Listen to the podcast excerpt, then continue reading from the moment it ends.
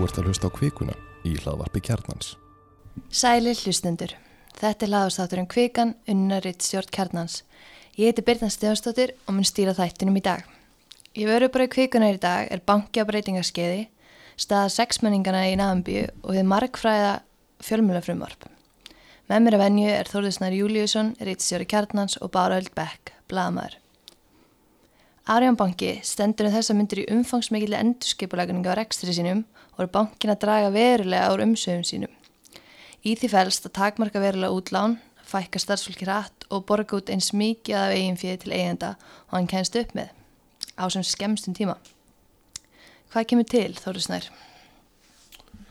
Ja, ég held að, að megin ástæðan liggur þetta bara í eignarhaldinu á Arjónbanka. Arjónbanki er, er í engaegu og og hefur á undanföllnum árum verið að megin uppstöði eigu skamtíma sjóða, eh, alþjóðleira skamtíma sjóða sem ekki líka fyrir upplýsingar um hverju endalegir eigundur að uh, sem hafa það markmið að græða sem mest sem hraðast. Og þegar stöðuleika samningandi voru gerður á sín tíma þá uh, eru þeir þá er gert svona samkómulag um það að, að þegar Kaupþing EHF, félagi sem tók við eftirstandi egnum eins fallna banka Kaupþings næða að að koma Arjónbanka í verð þá myndi svona stór hluti af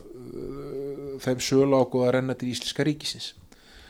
Og þá þurfa að menna að hugsa upp nýja leikaðferð ef þeir ætla að hafa eitthvað út úr því að, að, að hafa átt Arjónbanka og það sem hefur verið að ofnberast alveg frá því að, að svona skráningaferðli Arjónbanka hóst að fullu að fullum krafti í fyrra vor er að svo aðferðafræði sem þeir völdu að fara þessir eigundur skamtíma sjóður er það raunlega að selja stóra hluta bankanum, selja sjálfu sér stóra hluta bankanum. Þar alveg endur borgar í úr ríkinu fyrir söluna en inn í Arvabanka er feikilega mikið eigifið feikilega mikið eigifið sem hægt er að, að komast í með uh, tiltöla uh, áhrifaríkum aðgerðum. Og þær aðgerðir eru nokkrar, við sögðum frá því í fyrra voru að þegar svona í aðdraðanda skráningarinnar að það var verið að, á kynning þá sem var kyrfilega mert trúnaðamál sem var svona verið að kynna fyrir ímsu ímsum væntalögum fjárfestum í bankanum það sem uh, var verið að kynna svona plan um það að vera hægt að ná alltaf 80 miljardum út úr hún og þetta er eins og þú sagðir á þann, það eru nokkra leiðir sem hægt er að fara Eh, til þess raunverulega bara að minka bankan uh, gera hann svona uh, þannig að, hérna, að það sé að greiða út þetta mikla eigifið og það eru nokkra leiðir. Í fyrsta lagi var hægt að breyta fjármögnunni við erum með fleiri víkjandi skuldabref í fjármögnunni og þá er hægt að raunverulega greiða meiri eigif, laust fyrir út. Það var hægt að minka skuldir bankans. Uh, það er ráðlega bara hægt að lána. Það er það sem það hefur gert mjög, mjög drastíst núna. Uh, það uh, hefur tvíþættan ávinningi fyrst alveg gerða verkum að þrýþættan raunulega þau eru að borga minni bankaskatt þannig að bankaskattur leggst á skuldir. Ég er alveg hjálpa það til við það að hérna að losa í fyrir sem hægt er að borga út. Og í þriðalagi auðvitað kemur meiri arsemi á eigið fyrir að minna. Eh, og svo hafa þær farið í stórtækjar aðgerir uh, eh, í það að minga ekstra kostna með því bara einfallega reyka fólk uh, og núna er svona stóra strategi að það er að selja undirleikit eignir auðvitað valitor sem er svona vandraðegn sem er að tapa bara feikilega miklum peningum og er erfitt að losa við. Og svo uh, að fara í þessa vegferðu það að minga einfallega fyrirtækja útlánin mjög mikið. Að stefna, að vera yfirlega stefna bankast núna Eh, sem hefur þó verið að setja bremsunar á útlán að minka fyrirtæki útlánum eða útláni sem um 20% fram á næsta haust á einu ári og banki sem lánar ekki peninga. Það er skrítið konsept. Eh, en eh, hugmyndin er einfallega svo að Arjón verði miklu freka svona milligungu aðeili fyrir skuldabrúðbóð og fá okkur á þóknarnatekjur á því. Mm. en reyni eftir fremstan vegna mingaskuldir vegna þess eins og ég sagði hann og þá uh, geta þeir líka svona fallið undir uh, lausari eiginfjárkvæðir og geta hérna borga minni í bankaskatt. Enn sem komið er þá hefur og bara raunverulega á uh, núna á einu og hálfa rúmi einu og hálfu ári eða frá loka ást 2017 þá hefur eigi fyrir Arjónbanka minkað um 30 miljardar þannig að þeir eru komnir vel á stað með þessa vegferð. Og uh, það verður bara mjög aðdeglisvert að sjá hvernig þetta endar og hvaða áhrif þetta mun hafa kannski í, í bankalandslæðinu í heild vegna þess að ríkisbankarnir tveir til dæmis, eh, landsbankin og Íslandsbanki það er erfitt að sjá hvaða hagsmuni þeir eiga núna sameigilegt með Arjónbanka, þeir eru saman í heildar hagsmunar samtökum samtaka fjármálafyrirtækja eh, en Íslandsbanki þótt að hans sé svona stíða einhver skref í átt að því raunverulega að svona kannski að draga aðeins sama seglin eða, eða allar að hefta frekari vöxt. Og landsbankin eru í allt annari stöðu. Þeir get ekki leift sér það að, fara í einhvern veginn þessa meðferð að mistakosta með einn eignarhaldur eins og er. Þannig að hérna, það verður áhugast að sjá hvað áhrif þetta hefur. En mikilvægast öllu eru þetta, þetta eru kerfislega mikilvæg fyrirtæki. Þetta eru skilgrend kerfislega mikilvæg fyrirtæki og það er mjög áhugavert að sjá kerfislega mikilvægt fyrirtæki reyna allt sem í valdu sínu stendur til þess að verða það ekki við þar aðstæður sem eru upp í Íslandsku efnarslífi þegar það er mikið þörf á örfun á til dæmis svona uh, já, að vökva ímsa sprota efnaðarslífsins með frekari útlánum og Sælabankin er á fullu við það að lækka vexti til þess að reyna örfa uh, tannhjól uh, atvinnulífsins núna þegar það er ykkur niðursefla uh, og á sama tíma er bara verið að taka eitt bankan og, og, vindan runnurulega, það er það sem er í þessi stað. Og það er áhugavert að það sé ekki það sé ekki meira rætt um þetta þetta sé ekki meira á svona hennu pólitiska uh, og hennu pólitiska matseli og það sé ekki uh, frekar í svona aðfinnslur eða allan umræður um þetta á vettvangi eftirlitsaðilega eins og selabankans eða fjármálættisins Þegar kemur að stærð er hans að gætan hætt orð, veist, hætti að vera kerfislega mikilvægur banki rætt Eh, já, já. Veist, það, það er alveg möguleiki. Uh, ég held að hann er alveg dálítið í land með það. Að það er að minka ansi mikið. Þetta kerfi, þetta, þessi þrýr bánkar eru rosalega stórir í þessu kerfi. Þótt að þetta kvika sér alltaf að, að stækka við sér með, með hverju saminningunum sem sá banki fyrir gegnum. En uh, við erum með þetta svona uh, kerfi á öll, öllum helstu mörgum okkar. Svona uh, þryggja aðila samkettnis kerfi sem er einhvern veginn svona sem er auðvitað mjög skrítið og er bara fákittskerfi það sem allir bjóða sambarlega kjör en heita þeirri með mismöndun öfnum og sambarlega vörur og svo framins uh, en uh, það er augljóst hver aðferðarfræðin er hvað þeir ætla sér að gera. Og ef að það er ekki áhugi hjá stjórnmálum eða hjá eftirlitsæðilum að grípa með einhverjum hætti í taumana þar þá munu þeir bara fara alla leið með þetta og, og, reyna að vinda bankan eins, eins langt niður og þeir geta mm. uh, og taka út eins mikið eigi fjöð og þeir geta í gegnum margriðslur, í gegnum kaup og eigin breyfum og í gegnum þessar breytingar sem ég talaði með náðan En ef þú talar um þessar breytingar vegna eigandana, heldur að það að greiðslumilin sé að opnast hafa einhver áhrif á þessar breytingar líka? Eh, ég veit ekki. Ég, sko það, það er ekki tilviljun að, að erlendu skamtíma sjóðunir sem komu hérna eftir hrun í umvörpum 20 að 50 stærstu uh, vogunarsjóðum heims uh, sendu einhverja sjóði hingað eða byggu til sjóði utanum einhver Íslands, Íslands veðmál. Uh, að þeir fóru margi hverjir í Íslensk klutabref þeir losuðu einhverja penninga hérna svona í kringum höftin það verður að afnema höftin en þeir eru allir farnir út úr öllum uh, skráðum hlutabrjöfum svona að uppistuðu nema í tveimu fyrirtækjum. Það er annars vegar Marel vegna þess að Marel hefur erlenda og alþjóðlega vaksta möguleika og ætlar að fara í mikinn innri vöxt og vantarlega líka samningavöxt á næstu tíu árum. Þannig að það er bara arðbær fjárfesting sem á mikla svona vakstar möguleika og svo hins vegar Arjónbanka sem á ekki þennan alþjóðlega, á, ekki þessa alþjóðlegu vaksta möguleika en á einhverjum ástæðum eru þeir mjög stórir ennþá inni í þeirri fjárfestingu. Og það hlýtu þá að fylgja einhvers konar, maður lefur sér að sletta gameplan sem í felst að, hérna, að ná í x mikið af fjármunum á, á x skömmum tíma uh, til þess að sé hægt að slíta síðan sjóðunum og greið út hlutildaskiptin þetta er ennþá líka bara stór alvarlegt að, að kerfislega mikilvægt fyrirtæki getur verið eigu ykkur aðeins sem við vitum ekki hverju eru. Og það er þannig að við vitum ekki hverju eiga sjóð við hefum ekki hugmyndu um mm. og það eru bara æðstu ráðamenn og fólk sem situr í sko, uh, sem á að sjá um íslenskan fjármálastöðuleika sem veit ekkert hverju eiga þetta og við vitum ekki hverju eru aðna á bak. Það eru koma svona þessar þekktu skýringar sem koma alltaf voru meðal annars svona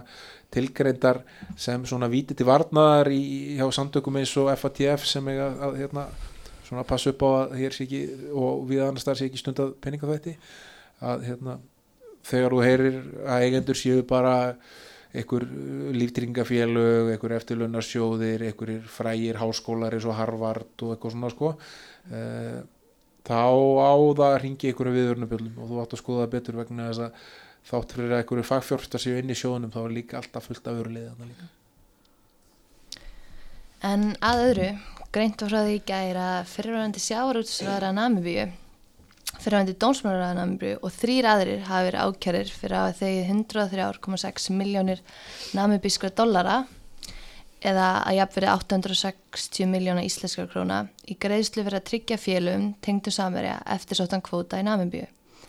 Seksmenningarnir dróðu jafnframt beðinni sínum lausnum haldi gegn tryggingu tilbaka í gær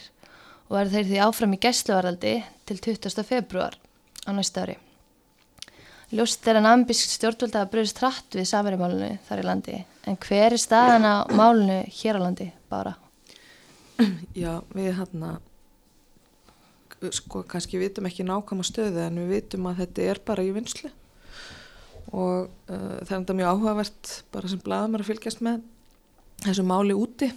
Núna voru þeir handengnir í síðustu viku og komið fyrir dómara uh, rétt fyrir helgi. Málinu að fresta tvísvar og út af alls konar klúðri lögfræðingarnir að voru ekki með atvinnlefi í námiðbíu og svo þegar þeir fengu tækifæri til þess að sagt, leggja fram þessa beðni um löskjegtryggingu í gær þá bara reynilega hættu lögfræðingarnir við að leggja þessa beðni fram og, og það varði ekki úr, úr því að, að þeir myndu sagt, losna að voruða þannig. Eh, þannig að úr varða þeir þurfa að setja gæsluferðaldi til sagt, fram yfir áramót og, og langt inn í februar Og einhversu skýringa gefnar að okkur er lögðu ekki beinina fram? Nei, raunin ekki. Er, ég verði að lesa hérna namibíska miðla og engar útskýringar gefnar og miðlar þar í landi ja, sko að hissa yfir því eins og hér. En uh, já, þeir voru sem sagt ákjærður voru byrtar í gær uh, eins og þú raktir þarna og þetta verðist nú allt uh, líka frekar skýrt fyrir sko, varandi ákjærður og og þarna er sko það talað um þessar greiðslur sem eru tengdar þessum félögum samherja uh, í ákjæranum uh, það sem við náttúrulega lendum í vandræðum hérna á Íslandi er að uh, í rauninni sko rannsóknin komin mikið styrra á vekk þannig að við vitum í rauninni mikið minna. En nú er eitthvað, hlýtur eitthvað alþjóðilegt samstarðan á milli ef náttúrulega stjórnvöld eru búin að komast þeirri niðurstu að það er alltaf kærað fyrir þessa upp að það mútum Já, og það er auðvitað þannig að það er mjög stert samband uh, sérstaklega á melli ennbæti héragssaksóknara hérna á Íslandi og Ökokrim í Nóri mm. sem er efnaðarsbrota deildinn þar. Það er bara personleg sambund sem hafa skapast í gegnum árin uh, á meðal þeirra sem starfa hjá sikuri deildinni og, og, og það er til svona samstarfsferðlar. Þannig að uh, það er engin vafi um það að þegar svona aðeins framlýða stundir og það komið meiri mynd á þetta þá uh, munu að minnst að þau tvö ennbætti uh, skipta með sér verkum segja, hvaða hluti af rannsóknunni verður hjá Ökokrím og hvaða hluti verður hérna á Íslandi hjá ennbætti hérasaksóknur eftir aðtökum okay. skatt uh, rannsóknarstjóra uh, það er annað málu þetta með Namibíu vegna þess að uh, ég held að ég, ég ætla hún eiginlega bara að leiða mér að fullir að það þetta verið fyrsta sinn sem íslensk lögjastlu yfirvöld eða hérna, rannsóknar aðeinar séu að hefja eitthvað skonar, eða reyna að hefja eitthvað skonar samstarf með namibískum yfirvöldum mm. uh, auðvitað hefur rannsóknir þar verið í gangi í mun mun lengri tíma og það er á vettvangi svona fyrirbæri sem er ekki til í Íslandi eða, eða í Norri eða eitthvað slíkt sem er svona spillingalörugla mm. og, uh, og þar er máli greinlega komið mjög lágt þess að Bára var að reykja hérna á þann og það er bara einfallega búið að, að byrja mjög um ákerur og, hérna, og setja það í gæsluvarðhald og svo framvegis. Uh, hérna eru við að tala um sko að það eru þrjár vikur frá því að, að, hérna, að þessi kveiksþáttur var síndur það eru þetta mjög skamu tími þótt maður skilji að fólk sé óþreyfullt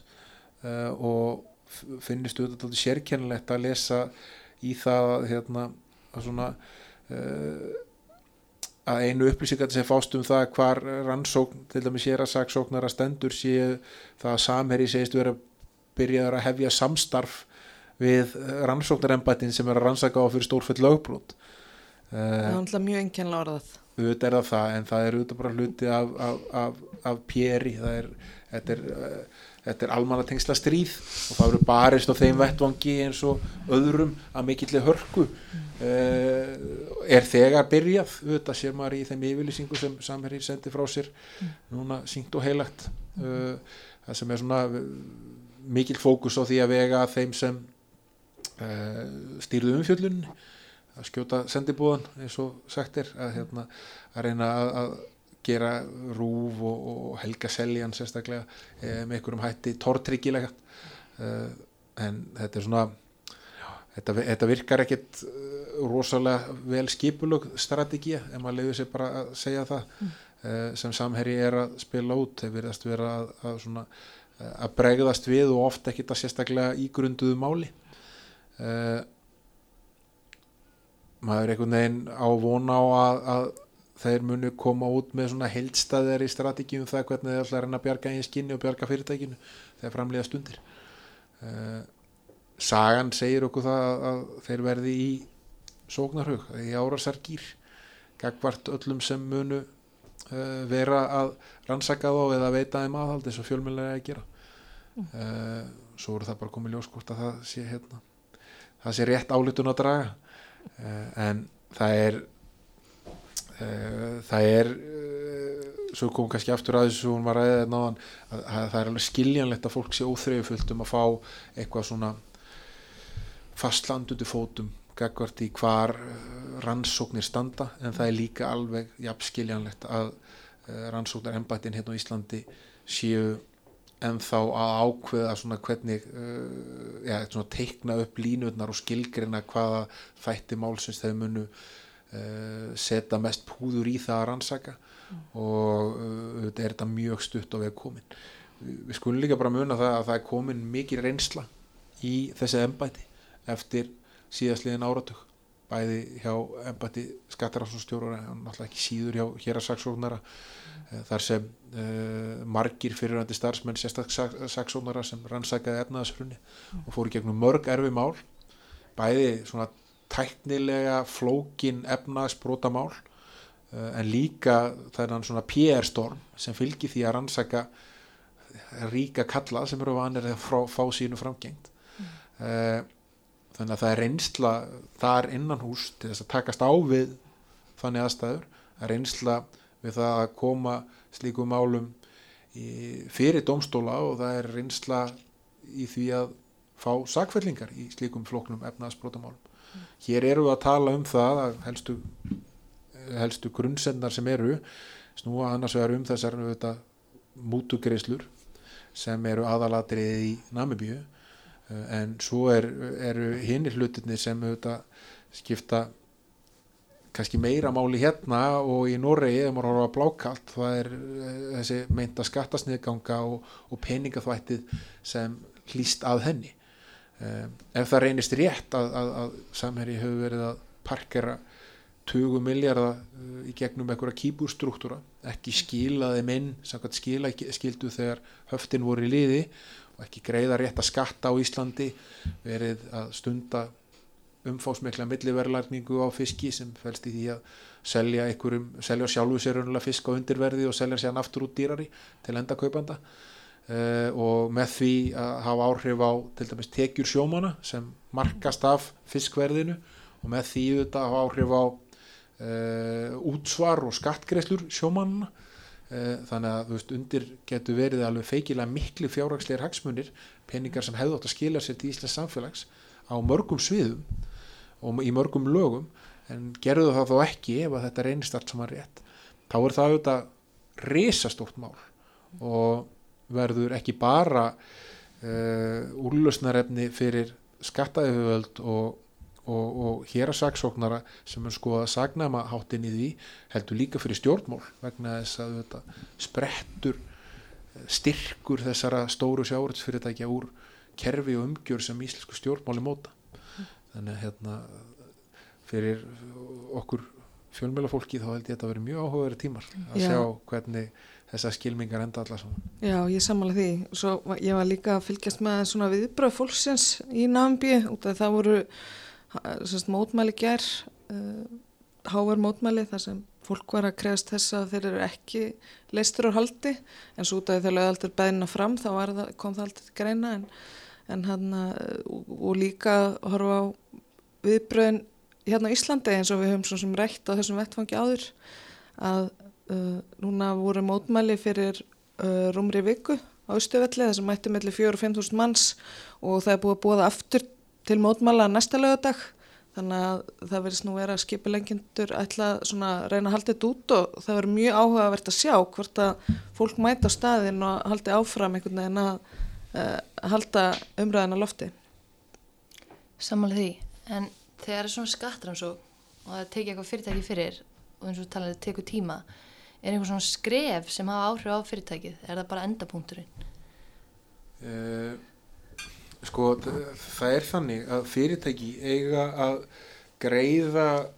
skattágjöld í því ríki það sem raunveruleg framkvæmta stjórn þess er og hvað ferst í því? Uh, auðvitað er það þannig með sko mörg alþjóli fyrirtæki að þau eru samansett úr bara til einfölda mörgum minni fyrirtækjum.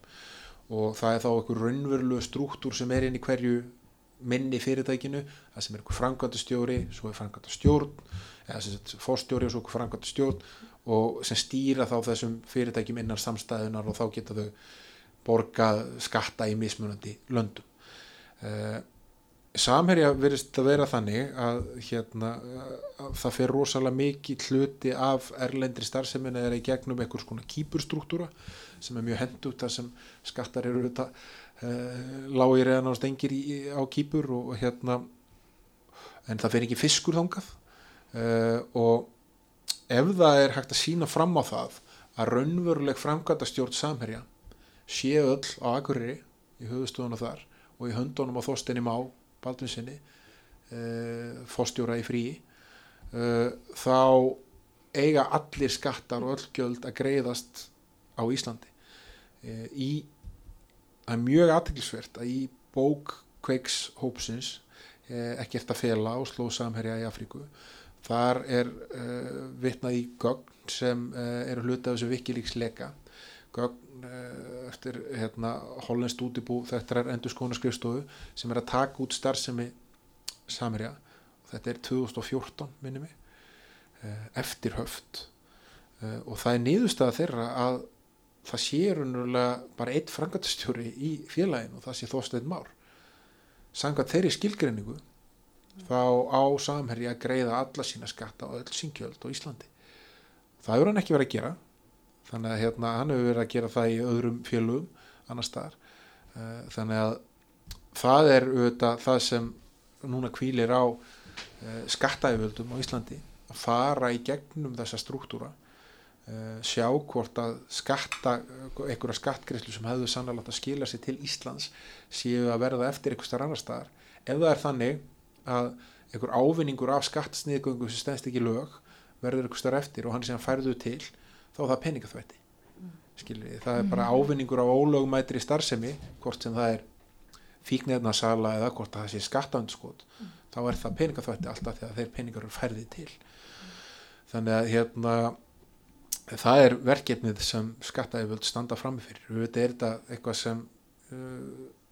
ímsir uh, aðalar í Íslandi hafa verið að skoða í lengri tíma. Þetta er auðvitað þetta fræga selabankamál uh, allt saman snýrist að hlut til um þetta að það voru grunnsendur um það að, samherji væri ekki að skila því sem þeir átt að skila sagt, lögum um, um fjármasöft uh, hingað og að þeir væru að nota svona struktúra erlendist þess að skilji eftir fjármunni þar og kom ekki með þá til Íslands ekki greiða þá skatta eins og þeir hefði átt að gera á Íslandi og ekki skila gældiri eins og, og höftin kölluð á þannig að hérna, það verður bara mjög aðtiklisvert að sjá hvað þetta enda allt Já, sannarlega en þá er komað þriðja málun okkur í dag en þingflokkur sjálfstæðisflokksins samþykti gæðir að afgræða út úr þingflokknum frumjöf Lilju Alfriðsdóttur mentamálaráðara um stuðningu engaregna fjölmila. Samþykti var þó með ymsum fyrirvörum meðal annars að teki yfir það umsögum rúf á ylsingamarkaði. Nú er frumvarpið því loks að komast í þinglega meðferð en Lilji hefur lagt mikla áherslu að gildist taka frumvarsins síðan frá 1. janúar 2020. Hvað segir þú Þóri Snær? Heldur þetta að verði samþykt alþingi fyrir jól? Ég veit það ekki, þetta er nú orðin svo mikil uh, ringavitleisa og er komið einhverjir í ótrúlega marglaga sérhagsmunar baráttu núna að hérna að ég held að það sé bara best að, að fullir ekki neitt. Það eru þrjú ár rúm frá því að, að þáerandi mentamálar á þeirra Ylvi Gunnarsson skipaði hóp, starfsóp til þess að taka út svona rekstra umhverju yngaríkina fjölmila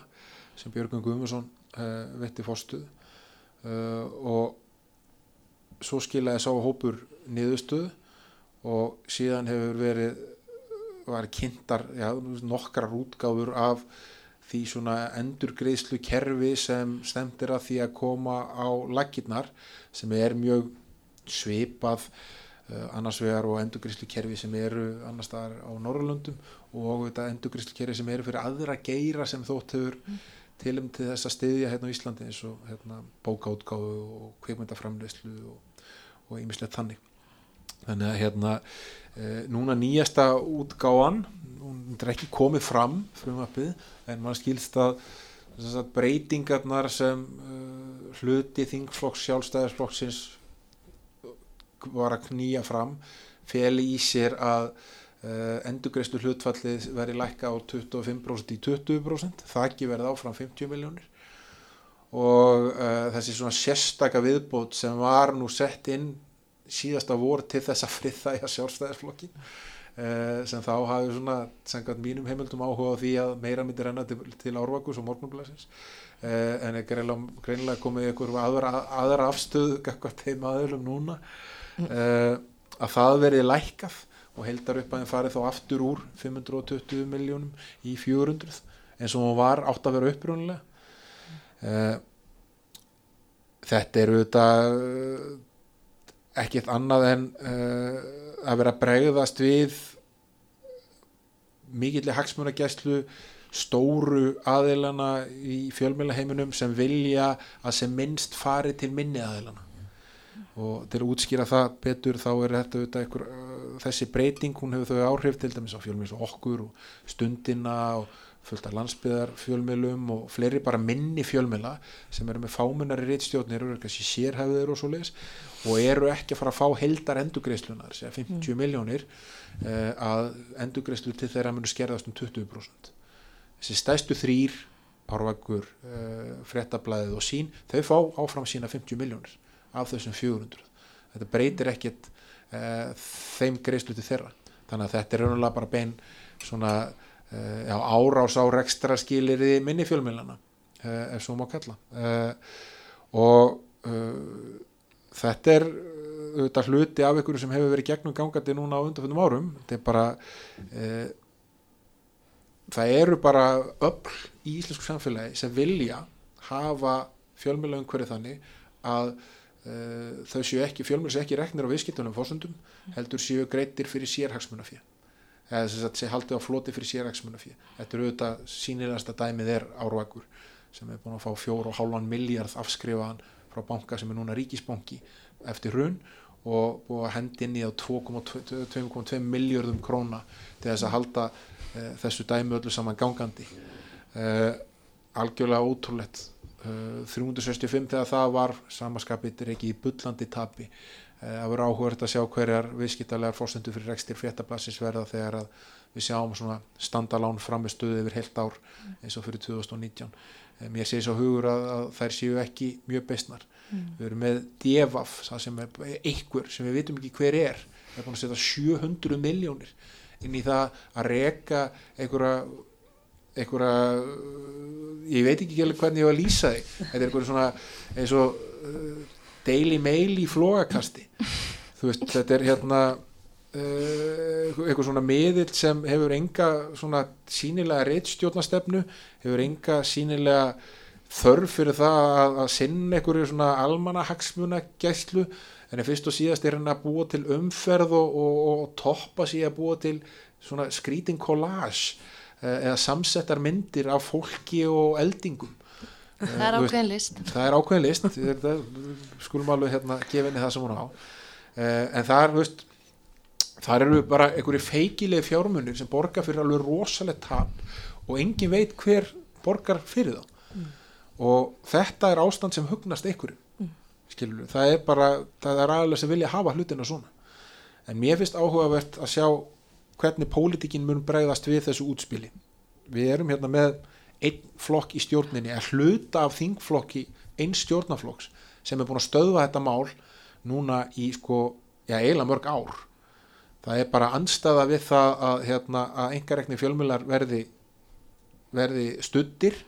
eh, með einhverjum öðrum hætti en að veist, þeir fjölmjölar er fyrst og síðast til einhver ákveðna stóra fjölmjöla eh, og þá teiknast bara upp svo stað á þingina með framsókn og vinsti græn sem eru fullkomlega fylgjandi þessu mm. og já, allavega í orði uh, Pírata og samfélkingu alveg 100% fylgjandi þessu og viðreist hefur verið það hinga til og hefur kannski dauða færi núna í það að sína þeir alltaf ekki að vera uh, stjórnmálflokkur Helga Magnússonar nýsegjanda uh, fréttablasins heldur að vera sjálfstæður stjórnmálflokkur sem beigis ekki og buktar í takti við það sem Helgi Magnússon fyrir fram á. Mm. uh, þá ættu þeir að vera fylgjenda þessu. Og uh, þá ættu bara að koma með nýjan meiruluta í, sem er að myndast alþing, á alþingi fyrir þessu máli sem getur verið vísir að einhverju meira. Þá er svona kannski hluti af sjálfstæðarflokknum að einangrast með miðflokknum í einhverju andstöðu. Og er það einhver stað sem sjálfstæðarflokkurinn í þeirri svona, svona pólitísku nöðvörd sem hann er að upplifa sér í vegna fylgistaps og svona innan flokkstelna og, hérna, mm. og ásóknar frá öðrum staðum þeir eru vanir núna frá miðflokknu sem taka mikið fylgifræðum er það staður sem þeir vilja vera á? Já, það er mjög áhugavert að fylgjast með þessar pólitísku spennutri sem er komin upp að uh, þegar maður hlustar á stjórnmálmenn tala ofinbellega eða skrifa samfélagsmiðla þá eru sko svo margir sem að tala um hversu mikilvægt það er að sjálfstæðar fjölmiðlar sé til í landinu, tala um líðræði, tala um fjóðavaldi, allt þetta. En sko ef maður hugsa um það e, ef þetta er svona það er sko lítill hópur sem er rauninni standi í vegi fyrir því að þá sko ég byrjum maður náttúrulega svolítið aukslum hvernig pólitíkin virkar uh, og bara valdið. Uh, en út, út af því að ég hef sko virkilega verið að, að bara fylgjast með því, ég mynd nákvæmlega hvað stjórnmálmenn hafa verið að segja og þeir, það er nánast að uh, samtiki fyrir því hversu mikilvægt það er að fjálmjöla séu standi styrkum stöðum á Íslandi. Það er ekki búin að smá þögn um þetta svona síðustu vikur kannski frá öðrum þingmannum Já, það er náttúrulega, sko, var, þau voru að tala eins um þetta eins og Bryndis Haraldsdóttir, hún hlýði sjálfstæðarfloknum, hún talaði um, um helgina Þorstíð Vílunds, uh, Kolbjörn Óttarsson Proppe í vinstri grænum hefur verið mikið að, uh, og það alveg tengingun á í rúf tala um þetta, en um, ég veit ekki sko, hversu hátt þetta ætti að fara, það er kannski er, er, erfitt fyrir bladamann sem er að vinna í þessu umhverfi að vera hlutlaus út af því að við fylgjast náttúrulega mjög vel með þessu máli Já, þetta er rétt að koma fram að við erum auðvitað hagsmunuraðilar í þessu máli. Það er óumflýjanlegt, skilur. Að, hérna, hér er sko að vera mál sem fjallar um okkar ekstra skilir, þannig að auðvitað er þetta aldrei óvinnulegt Mm. fyrir okkur bæði að fjallum það og vera að tala um það, en það er líka óumflýjanlegt. Uh, í gegnum árin, út af þetta er búið að fara í gegnum svo margar ringi, þá höfum við sem hagsmunuraðilar, eins og aðrir hagsmunuraðilar koma, komið að þessu máli á margan hátt með umsögnum kallað á fundi til þess að gefa álit. Eða ég sem svona stjórnandi og, og, og svoleiðis og aðrir frá öðrum fjölmjölum sömu leiðis þannig að hérna uh, sjónarmið innan úr stjórnmálunum það hefur komið mjög skýrt fram í gegnum allt þetta ferli uh, ég held að sé að segja með nokkuð góðri vissu að það er mjög breiður meirhluti fyrir því að stíga skref til þess að styrkja uh, rekstararumhverju engareikina fjölmila með endurgristukerfi. Uh, það er það. Og það að blanda rúf alltaf inn í þetta það er raunulega að hoppa tvö ára aftur í tíman þegar það var ákveðið að aðskilja þetta tvent og takit í sikkur leið og það þótti bara einfallega skinsanlegt til þess að rúf sem er tilfinningamál og ég skilfa fyrir rosalega marga eh, að það fari ekki að hafa bein áhrif á þetta skref svo er hægt að taka umræðuna um rúf veru þessu auglýsingamarkaði og hvað rúf að gera og hvað ekki bara í sérstakri umræði í kjölfarið Já, ég er, því. það er eitthvað sem er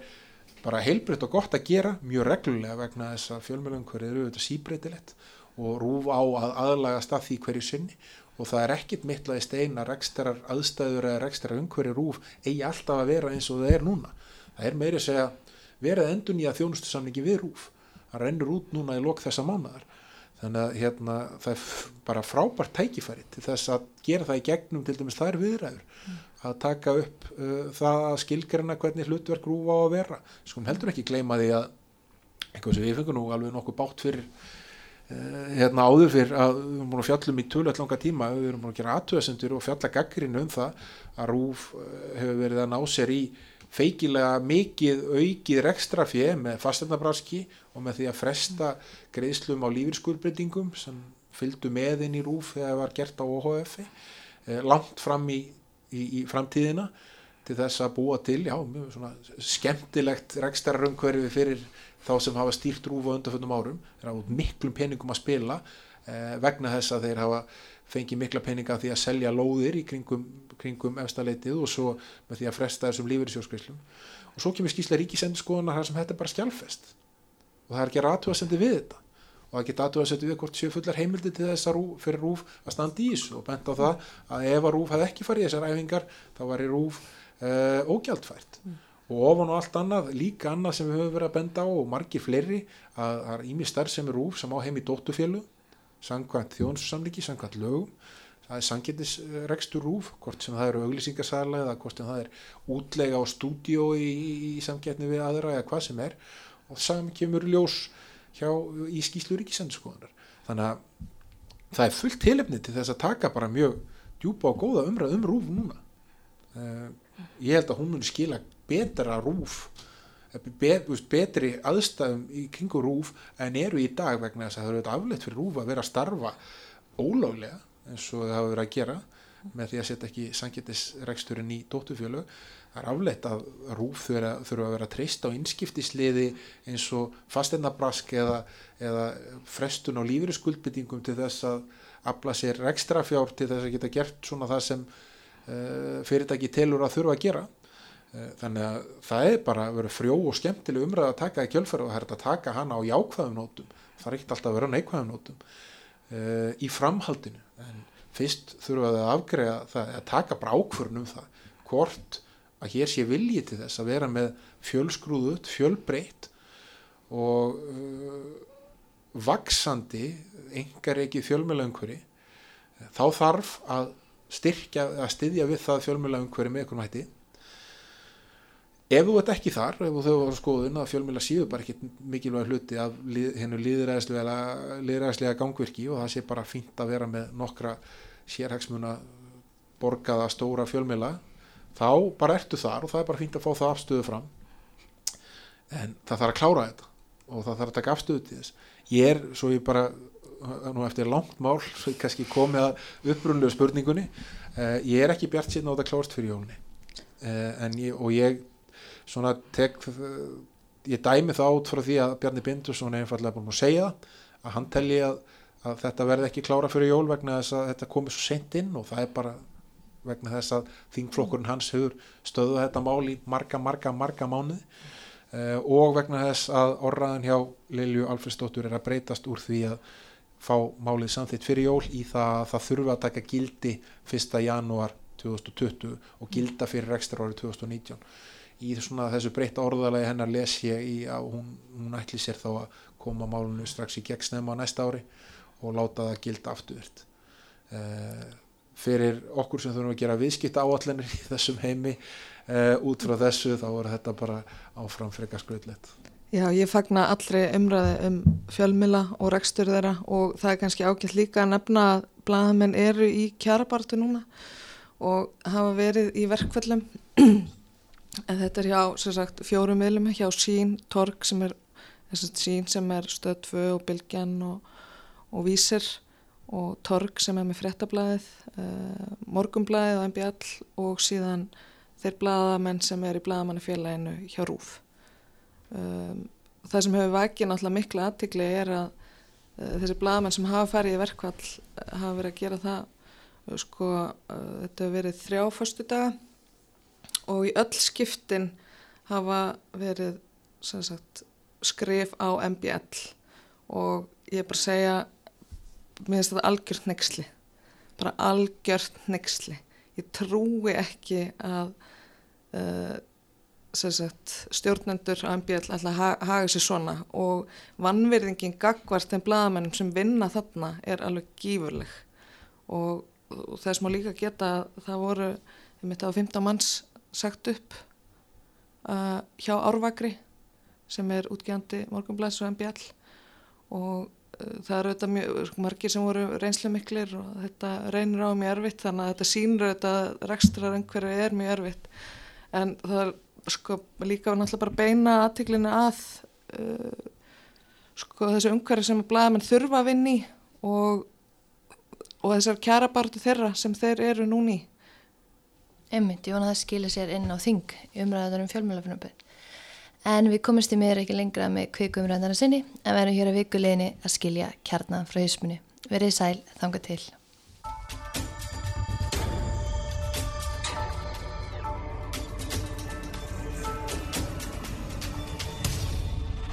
Þú ert að hlusta á kvikuna í hlaðvarpi kjarnans.